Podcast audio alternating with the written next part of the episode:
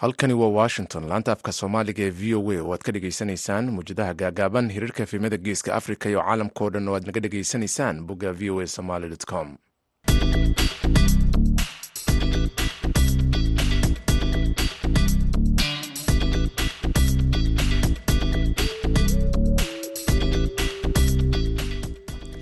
Door wanaagsan idilkiin baa dhegaystayaal meel kastoo aad joogtaan. Bisha sebteembar waxay ku beegan tahay sanadka waa maalin khamiis ah. Saacadda afrikada bari waxay tilmaamaysaa kooda iyo barka duhurnimo halkan washingtonna waa lixda iyo barka aroornimo idaacadda duhurnimo ee barnaamijka dhallinyarada maanta waxaa idinla socodsiinaya anigoo ah jamaal axmed cismaan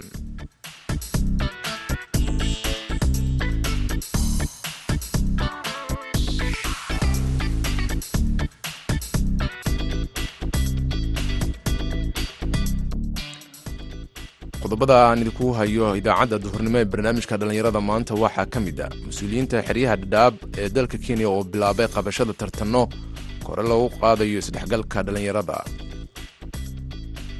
Ciyaarahan ardayda dhallinyarada lagu mooral garaynaya lagu rajagelinayo waa qabanaa. Dabcan teramkiiba mar baan qabanaa.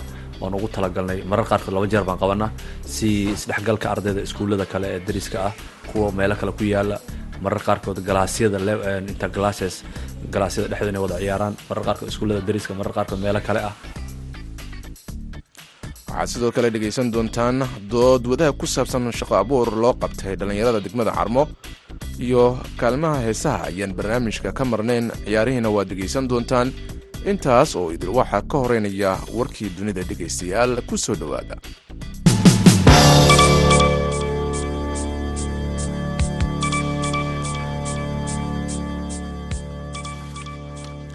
laba qof oo soomaaliya oo u dhaqdhaqaaqa xuquuqul aadanaha iyo qareen u dooda xuquuqul insaanka oo u dhashay waddanka ukrein ayaa ku guuleystay abaalmarinta xuquuqda nololeed ee sweden oo loo yaqaano swedens right livelihood award. Maanta taasoo loo arko inay beddel u noqon karayso abaalmarinta nobelka. Muasasada habnololeedka xuquuqul insaanka ayaa sidoo kale sharaftay hay'adda waddanka venezuela ka diiwaan gashan oo markaasi loo arko inay tahay adeeg hay'ad bixisa adeegyada bulshada iyo macadka afrika ee maamulka tamarta.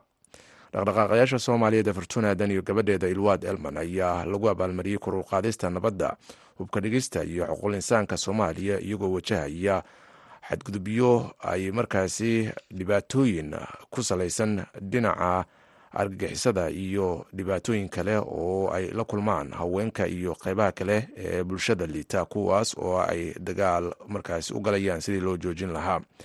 Abaalmarintan ayaa loo arkaa inay beddel u noqon karayso abaalmarinta nobelka oo ah abaalmarin la bixiyo sanadkiiba mar ruushka ayaa ku dhawaaqay in uu markaasi sameyn doono in dhulka uu ka qabsaday wadankaasi ukrain uu ka dhigi doono dhul ka tirsan wadanka ruushka oo si rasmiya arrintaasina loogu dhawaaqi doono. Britole hoolka georgia ee grand cromlin palace saacaddu markay tahay ilaa iyo duhurkii waxaa dhici doonta ayuu yiri afhayeen u hadlay kremlinka xaflad ku saabsan sidii dhulkaasi cusub ee ruushka loogu dhawaaqi lahaa. Dimitri bescof ayaa warkaasi sheegay waxaana uu sheegay in ay la wareegi doonaan afar gobol oo ruushku haysto oo ka tirsan dhulka ukrain oo dagaaladii ay ku qabsadeen. Waxaa jirtay in dowladda wadankaasi ruushka ay waydan dagaal ku haysay wadankaasi ukrain qeybo badan oo ka mid ah halkaas oo dagaalkooda uu bilowday bishii februari ee sanadkan. Warkii dunida dhegeystayaal waa nageyntaa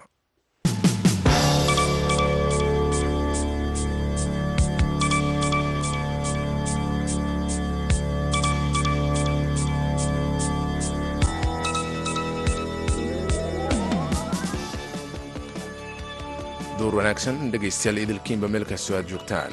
Tartan kubadda cagta ujeedkiisu yahay in sare loogu qaado nabadda iyo isdhexgalka dhallinyarada bulshada.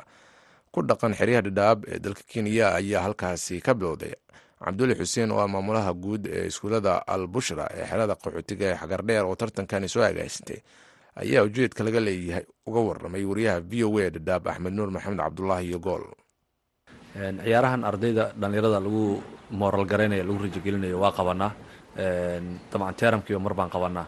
Waan ugu talagalnay marar qaarkood laba jeer baan qabanaa. Si isdhexgalka ardayda iskuullada kale ee dariska ah kuwa meelo kale ku yaalla marar qaarkood galaasyada interglasses galaasyada dhexdooda inay wada ciyaaraan marar qaarkood iskuullada dariska marar qaarkood meelo kale ah magaalooyin kale ah. Ciyaaraha noocan oo kale waxay ka qayb qaadanaysaa arday isdhexgalkooda iyo moralkooda iyo in activity ahaan ay u qaataan qaar baa laga yaba inay xirfadaas leeyihiin. Xirfadaas ciyaareed ay leeyihiin in ayaga laftooda lagu taxgeliyo qaarkood arday waxaa jiraan waxbarashada caadi ku fiicnayn laakiin ciyaaraha ku fiican inta uu senshankaa socdo ama waqtiga uu xafladahaas ay socdaan ama ciyaarahaas ay socdaan ardaygaas wuxuu dareemaya in waqtigiisi la joogo oo xirfadiisa uu muujin karo oo uu qeyb ka yahay bulsho weyntaas bahda bulshada uu ka yahay.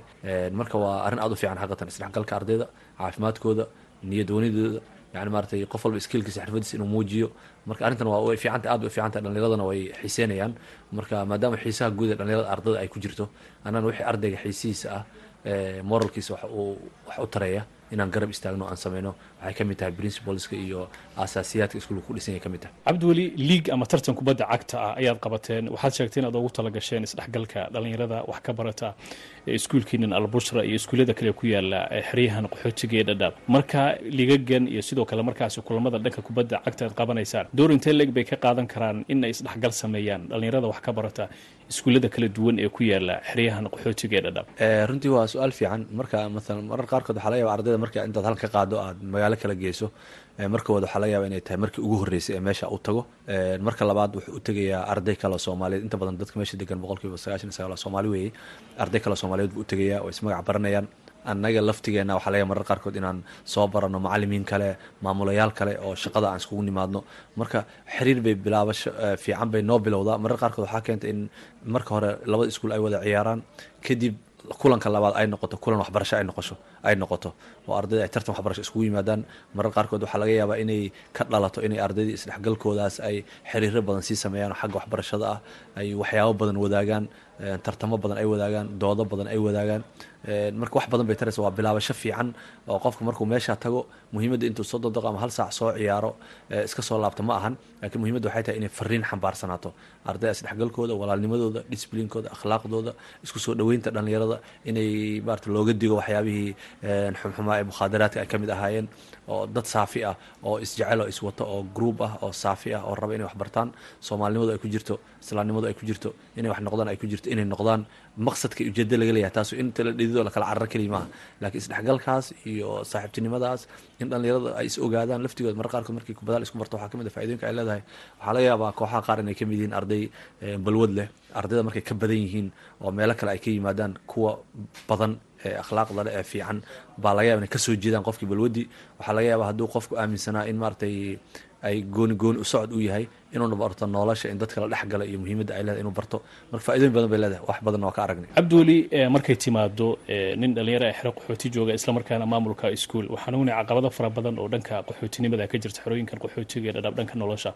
Marka maxay tahay waxyaabaha inta badan kugu dhiirigeliya inaad samayso markaasi kulamada dhanka kubadda cagta iyo sidoo kale tartamadan iyo liigagan? Runtii annaga hadda dhallinyarada xoogaa cuslaatay baan nahay mar walba waxaan jecelnahay inaan dhallinyarada aan ku dhex jirno oon qeyb ka mida aan nahay. Maxaa yeele macalinku hadda maanta jooga ee qarnigan jooga ma ahan macalinkii qarniyo hore jooga ma aha. Goon intuu istaago halkaasoo kale istaago ardayda iyo asaga ay kala socnaayeen ma aha. Xilli waxaan joognaa la rabo macalinkii ardayda inay isku dhex milmaan yani si wanaagsan oo macalinka ardaydii uu la ciyaari karo macalinka ardaydii uu kaftami karo macalinka ardayda uu jaatin gareyn karo oo waxa la wixii ay su'aalay way u baahan ay weydiin karaan inay talo weydiin karaan inay la kulmi karaan xilliga ay rabaan. Marka waxyaabaha igu dhiirigelinaya waxaa ka mid ah ardaydii baa waxaan arkayaa rabitaankoodii meesha u badan yahay. Annagana waxaana hogaaminayna wadaya rabitaanka ardayga inaan xaqiijino inuu hirgalo. Inta uu fakerkaasi yahay faker saxan marka ardayda rabitaankooda iyo moralkooda niyaddooda keenaysa inaan arrintan ka qayb qaadano caqabaadka qaxoontinimo ee jira ee laga yaaba marar qaarkood inay soo baxaan way fara badan yihiin xaqiiqatan. Markay noqoto in programyada noocan oo kale la qabto waxaa laga yaaba inay adkaato dhaqaalihii ay u baahan inay adkaataa laga yaabaa. Waxaa laga yaba marar qaarkood ardayda wixii dhib ku gaaro ciyaaraha noocaas oo kale ah in daaweyntiisii iyo la tacaalidiisii inay dhib noqoto waa laga yaabaa. In waalidiinta qaar ay si khaldan u aragsan yihiin oo yani maarata ardaygii ay la dagaalamaan ama maarata ilaa xad ay u aragsan yihiin qof aan fiicnayn oo si khaldan u arkaan baa laga yaabaa. Marka caqabaadku way badan yihiin laakiin muhiimadda waxay tahay nolosha meesha aan ku noolnahay iyo ahdaafta ujeedooyinka aan leenahay isma diideyso. Hadafka aan leenahay ka muhiimsan qaabkaan u noolnahay. Mar haddaan hadaf leenahay waa inaan hadafkeenaas inaasaan ku xaqiijin lahayn oon bulshada soomaaliyeed guud ahaan gaar ahaan dhalinyarada soomaaliyeed aan wax ula qaban lahayn inaan sameyno marka insha allahu caqabad kastoo jirta annaga waxaa noo diyaarsan inaan dhex marno oon jiirno. Kuwa badaan baan soo marnay inta yara dhimanna waa jiirayna insha allah. Ugu dambeyntii marka cabdiweli ma sii wadi doontaan tartamadan dhanka kubadda cagta aad ku dhiirigelinaysaan dhalinyarada wax ka barata iskuullada ku yaalla xerooyinkan qaxootiga ee dhadhaab dabcan ha ha laazim. Maxaa yeelay waxay ka mid tahay programmeska iyo activitieska la qabto ee iskuulku iska leeyahay bay ka mid tahay. Teram walbaba jadwal baa qoran oo taariikhda ilaa taariikhda ilaa iyo intaas ay ciyaaru soconayaan. Ayagoo kale noocyo kala duwan ah marar qaarkood kubadbes ma ahan ayagoo noocyo kala duwan ah. Marka way qoran tahay waxay ka mid tahay timetableka jadwalka iskuulka ka mid tahay. Termal waa la qabtaa waana wadayna insha allah intii waxbarasho ay socoto iyadana qayb kale waxbarashada ka mida weyaan cabdiweli xuseen oo maamulaha guud ee iskuullada albushra ee xeryaha qaxootiga xagardheer wuxuu u warramayay wariyaha v o a dhadhaab axmed nuur maxamed cabdulaahi yugool dhegeystayaal qodobo kale ayaa noo soo socda balse markan dhinacii heesaha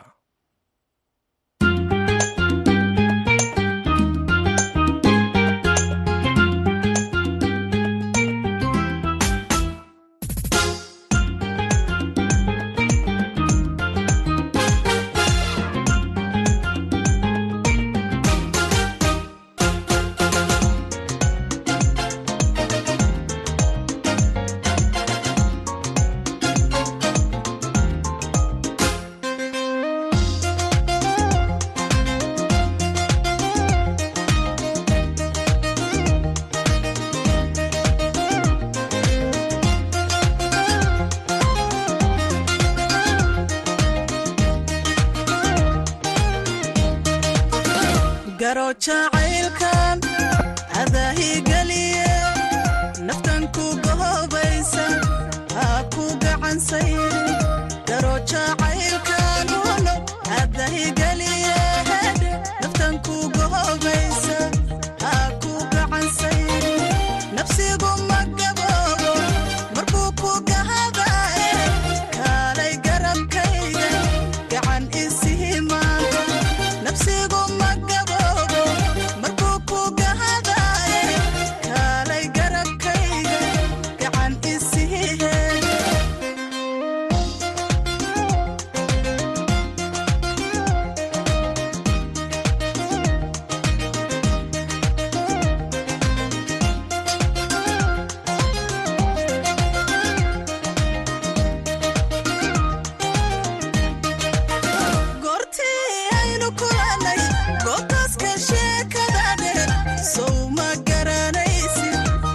qosalka gabaxsiisay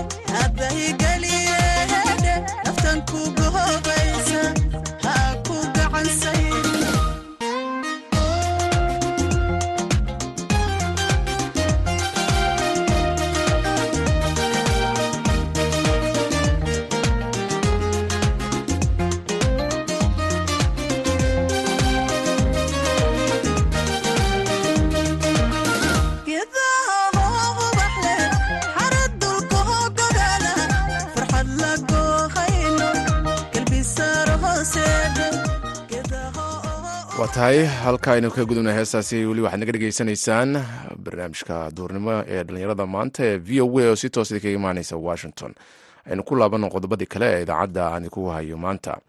Dhallinyarada waxbaratay ee ku dhaqan degmada carmo ee puntland ayaa ka qayb galay doodoodaha u dhexeysay maamulka degmada carmo iyo bulshada oo la xiriirtay qorshayaasha horumarinta degmada iyo shaqaabuurka dhallinyarada.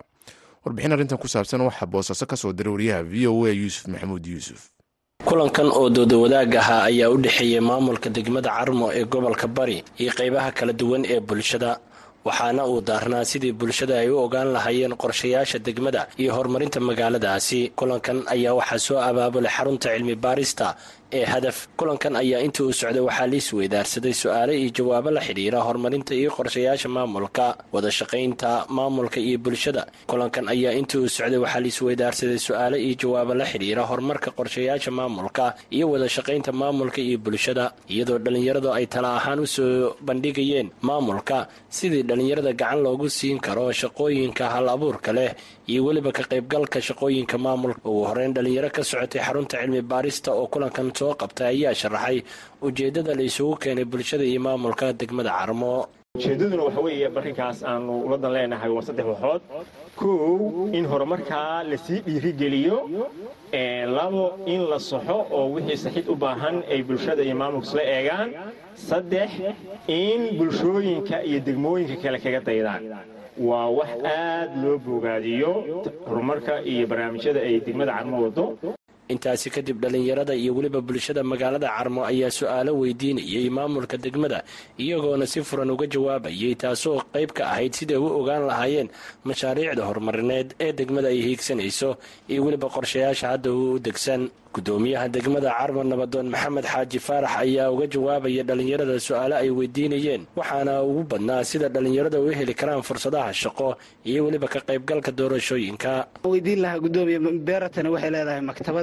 ma kuu qorshaysan tahay inaad maktabaddaa fudho si daldhiskana loogu daro daddhis su'aashayda labaadi waxa weeye waxaan dhisannay waddooyin adduunkana waxaa ka dhacay isbeddel cimilo.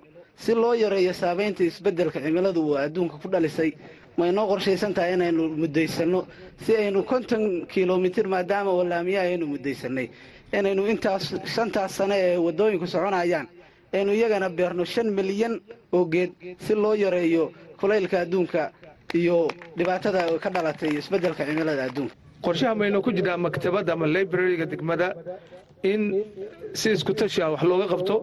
Horta ilaahay fadligii waxaa oo ilaahay mahaddiisa beertan quruxda badan aynu joogno inay qayb ka tahay librariga degmadu yeelanayso uu diyaarsan yahay. Guri weyn oo dhammaystiran keliya u baahan in la qalabayo su'aashaas waxaan uga jawaabayaa haa waxay noo ku jirnaa qorshaha weliba qorshaha bisha sagaalaad iyo tobnaad dhexdeeda inaynu librariga qalabayno dhisaynkii hadda gudihiisa baan diyaarinay. Daraada u dambaysay hal gaadhi oo waxaa lagu dejiyey bugaag ah gudihiisa hadda waa arki karaa beertanu ku dhex yaalla. Marka su'aashaas librariga insha allah bisha tobnaad hadduu alla idmo waay bisha tobnaad waxaan isugu imaan doonnaa inaynu xariggana ka jarro maalintaa wixii ka dambeeyana qof kasta oo jecel inuu wax akhriyo oo maskaxda kobciyo inuu soo booqan karo. Maxaa inooga qorshaysan waddooyinka bugcadaha ay waddadu martay haddana dadkii lahaa ama qurba ha jireen ama meelo kale ha joogeen ama magaalada ha joogeene aynan qoondadii loogu talagalay ayna kaga qayb qaadan iyagoo ama bakhaylnimo ha ka ahaato ama dhayalsi ha ka ahaato taasi maxaa ka qorshaysan maamul ahaan. Kasta oo bugcad leh dukumiintiga uu haysto waxaa ku qoran ku dhiso lix bilood. Haddii kale ma lahaan doontid xaq waxaan u leenahay dowladda hoose haddaan nahay. Bugcaddii qoondada lagu soo qoray bixin weyda. Cashuurta lagu leeyahayna waan ognahay cashuur badan baa lagu leeyahay. Bixin weyda. Inaan kala wareegayno. Waxaan u ballansannahay bulshada iyo cuqaasha iyo bulshada reer carmo go'aan midaysan inay ka soo saaraan. Qof bugcaddii sallaami hormaray oo bugcaddii laga yaabay inay shan kun oo doolar ahayd maanta konton kun iyo ka badan maraysa. Inuu bibilaash ku dhisto ka yeeli mayno waxaanu soo wadnaa sharci. Qof kasta oo bugcaddiisa lacag lagu qoray haddii aanu bixin lagala noqonaayo. Gurigii dhisan oo lacagta bixin waayana albaabadan kala baxayna.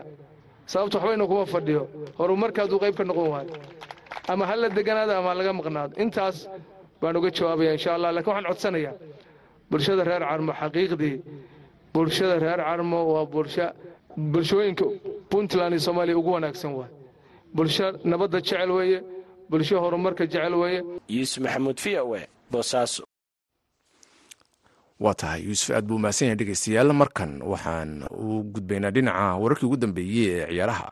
Waxaana la socodsiinayaa faarax maxamuud cali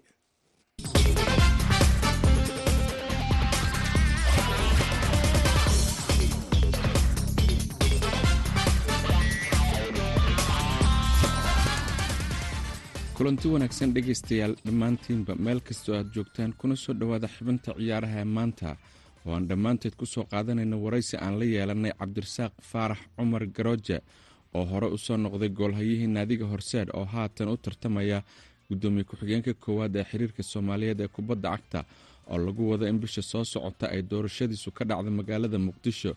Xilli ay soomaaliya ka mid tahay dalalka ku jira kaalimaha ugu hooseeya ee qiimeynta kubadda cagta adduunka ee xiriirka kubadda cagta ee fifa. Waxa uu sheegay cabdirasaaq garooje inuu doonayo inuu wax ka bedelo heerka kubadda cagta soomaaliya. Wariyaha v o eda xuseen nuur xaaji ayaa ku wareystay magaalada london. Ugu horeyna waxa uu weydiiyey waxa ku dhaliyay inuu u tartamo hogaanka xiriirka kubadda cagta. Booskaas gudoomiye ku-xigeenkooda xiriirka waxaan ku doortay maadaama ku soo dhex jiray sportska waqti badan oo aan ku dhex jiray xiriirka kubadda cagta soomaaliyeed waxaan arkay in aan sanadkan ay tahay waqtiga aan ugu faa'iidin lahaa carruurta soomaaliyeed iyo wadanka sportska futbolka waxaan wadankan joogaa soddon iyo labo sano wadanka ingiriiska london. Anagoo soo ciyaari jira kooxda horseed iyo madbacada halka markaa imaaday waan sii watay waxaan u gudbay inaan noqdo macalin goolhaye ah waxaan ka qaatay laysanka efega waxaan la shaqeeyay kooxo. Waxaan ka furay wadankan aaday waxaan ka furay academy la yiraahdo goroje golkiwan academy. Saasaan goolkahoyo badan aan u soo saaray. Wadankan waxaan tagay magaalooyin badan oo puntland jubbaland iyo aan tagay iyo koonfur galbeed iyo hargeysa dowla deegaanka soomaalida. Dhan waan tagay. Marka hadduu ilaah yiraahdo waxaan rajeynaya haddaan ku guuleysta in oo soomaaliya oo dhan ka faa'iideysan doonto xiriirka kubadda cagta soomaaliyeed marka waxaad iga warantaa qurbahaad soo hadal qaaday ingiriiska muddaad ku nooshahay canada waa tagtay wadamo kaleo yurubtan waad ka wareysaa. Sidee looga faa'iideysan karaa dhalinyarada tayada leh ee qurba joogta ee soomaaliyeed si isboortiga gaar ahaan kubadda cagta ciyaaraha soomaaliya heer loo gaarsiiyo? Waa mahadsantahay xuseen soomaalida qurbaha ku nool yurub iyo north america waxaa jiro dhalinyaro badan oo ka ciyaarta different divisiono marka waxaa ana aaminsanahay haddii dhalinyaradaas professionka oo yurub iyo america ka ciyaaro haddii laga faa'iideysto in guulo badan la gaari doono. Sidii aragtay laba kun iyo sagaal tobankii markaan u bixinay ciyaarihii world cup qualifiedka zimbabwe aan ka badin oo ka mid ah wiilkeyga dhalinyaradii qurbaha laga waday oo ku jiray guul weyn ay ahayd taarikhda ma qualified world cup inaan ka badino oo wadan dhisan oo oo ciyaartooy leh oo xataa waxaa ku jiray dhalinyaro oo zimbabwe oo ciyaarta professional oo leicester waddamada yurubta ka ciyaarta ayaa ku jireen. Anigana dhalinyaro la soo waday oo yurub laga soo waday iyo america ayaa la isku keenay. Golhayaha ka mid ahaa oo laga keenay soomaaliya inta kale waxay ahayn qurbi joogd waana guul fiicanaan gaarnay. Waxaan ku sigan inaan soo baxno qualifiedka. Ani waxaan dhalay wiil oo football leh asoo yar ayaa la qaatay kooxda barkin semi professional eh kabacdina west ham. Markii dambena markuu academiga scholarship waxaa siisay koox la yiraahdo south end kabacdina hadda wuxuu ka dheelaa sweden club ka mid oo division two oo skelton lahaa sweden ka tirsan. Qaranka soomaaliyana wuu cayaaray waxaa jirta dhalinyaro badan oo qurbaha ku joogta oo ku dhashay ama ku soo koray oo qaranka soomaaliya oo anfacay. Haddana anfici doono oo high level ka cayaaro marka waxaan rajeynaya insha allah inaan ka faa'iideysan doono dhalinyarada soomaalida iyo kuwa gudaha in la isku daro oo wax fiican keeni doonaan. Tahay marka la qiimeynayo dalalka adduunka. Soomaaliya ee fifa waxay ugu jirtaa kaalin aada u hoseyso gudoomiye ku-xigeen koowaad ee xiriir kubadda cagta soomaaliya ayaad u sharaxan tahay. Maxaad is leedahay adiga iyo hogaanka cusub ee la dooran doono? Waad ka bedeli kartaan heerka hadda uu joogo ka qaranka ee soomaaliya waa mahadsantahay xuseen waxaa lagu faa'iideyn karaa haddaan aan ku guuleysto insha allah aniga iyo tiimkeyga qofkii guddoomiye ku guuleysto haduu yiraahdo waxaan rajeynaynaa in qaranka soomaaliya ay jaaniska ay leeyihiin ay ka faa'iideystaan oo hadda saa ula socotay rangigan hoosuu jiraa sababta keenta waxaa keenay ma cayaarno cayaaraha saaxiibtinimo ma helno macalin joogta oo qaranka ah ma helno tababaro. Marka waxaan rajeynaynaa hadduu ilaah yiraahdo in soomaaliya oo dhan ciyaaraha sportska footballka muqdisho kaliya maaha waddamada magaalooyin kale in laga faa'iideysto qurbaha dadka jooga laga faa'iideysto aan bilaawno dhalinyaro yar oo academy ah oo si waqti loo geliyo si ay u noqdaan futureka soo socdo. Dhalinyarada waxay u baahan yihiin dhiirigelin hadda waxaa saas ay u qasabtay inaan safarkeyga muqdisho aan sii maro etoobiya sababto waxaa ka dhacaya cayaara oo afcon sakafa under seventeen oo hogaaminaya macalin nuur amiin lejanka waxaan rabaa inaan cayaarahaas ka mid noqdo aan tago aan dhiirigelin aan siiyo. Marka insha allah waxaan rajeynayaa in guul ay keeni doonaan hadduu ilah yiraahdo. Kaasina waxa uu ahaa cabdirasaaq faarax cumar garooje oo u warramaya xuseen nuur xaaji. Xubintii ciyaarahana dhegaystayaal maanta waa naga intaa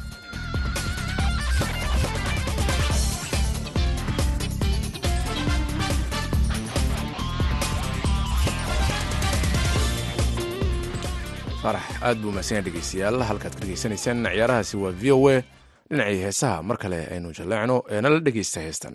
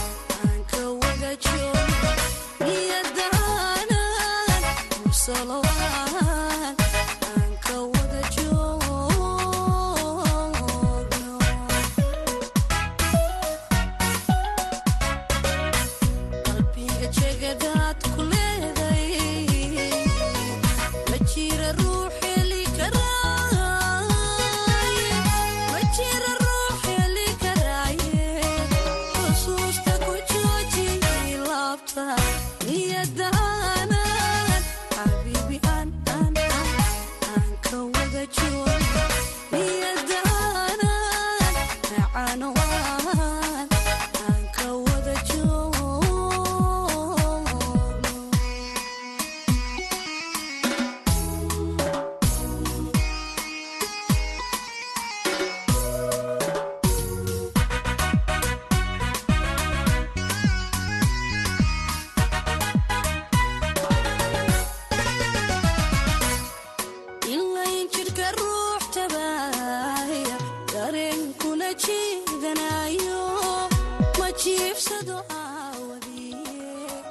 heestaasi halkaas aynu kaga gudubno waxayna gabagabo u ahayd ba idaacaddeenna duurnimo ee barnaamijka dhallinyarada maanta. Tan iyo afarta galabnimo waxaan kaga tegayaa nabadgelyo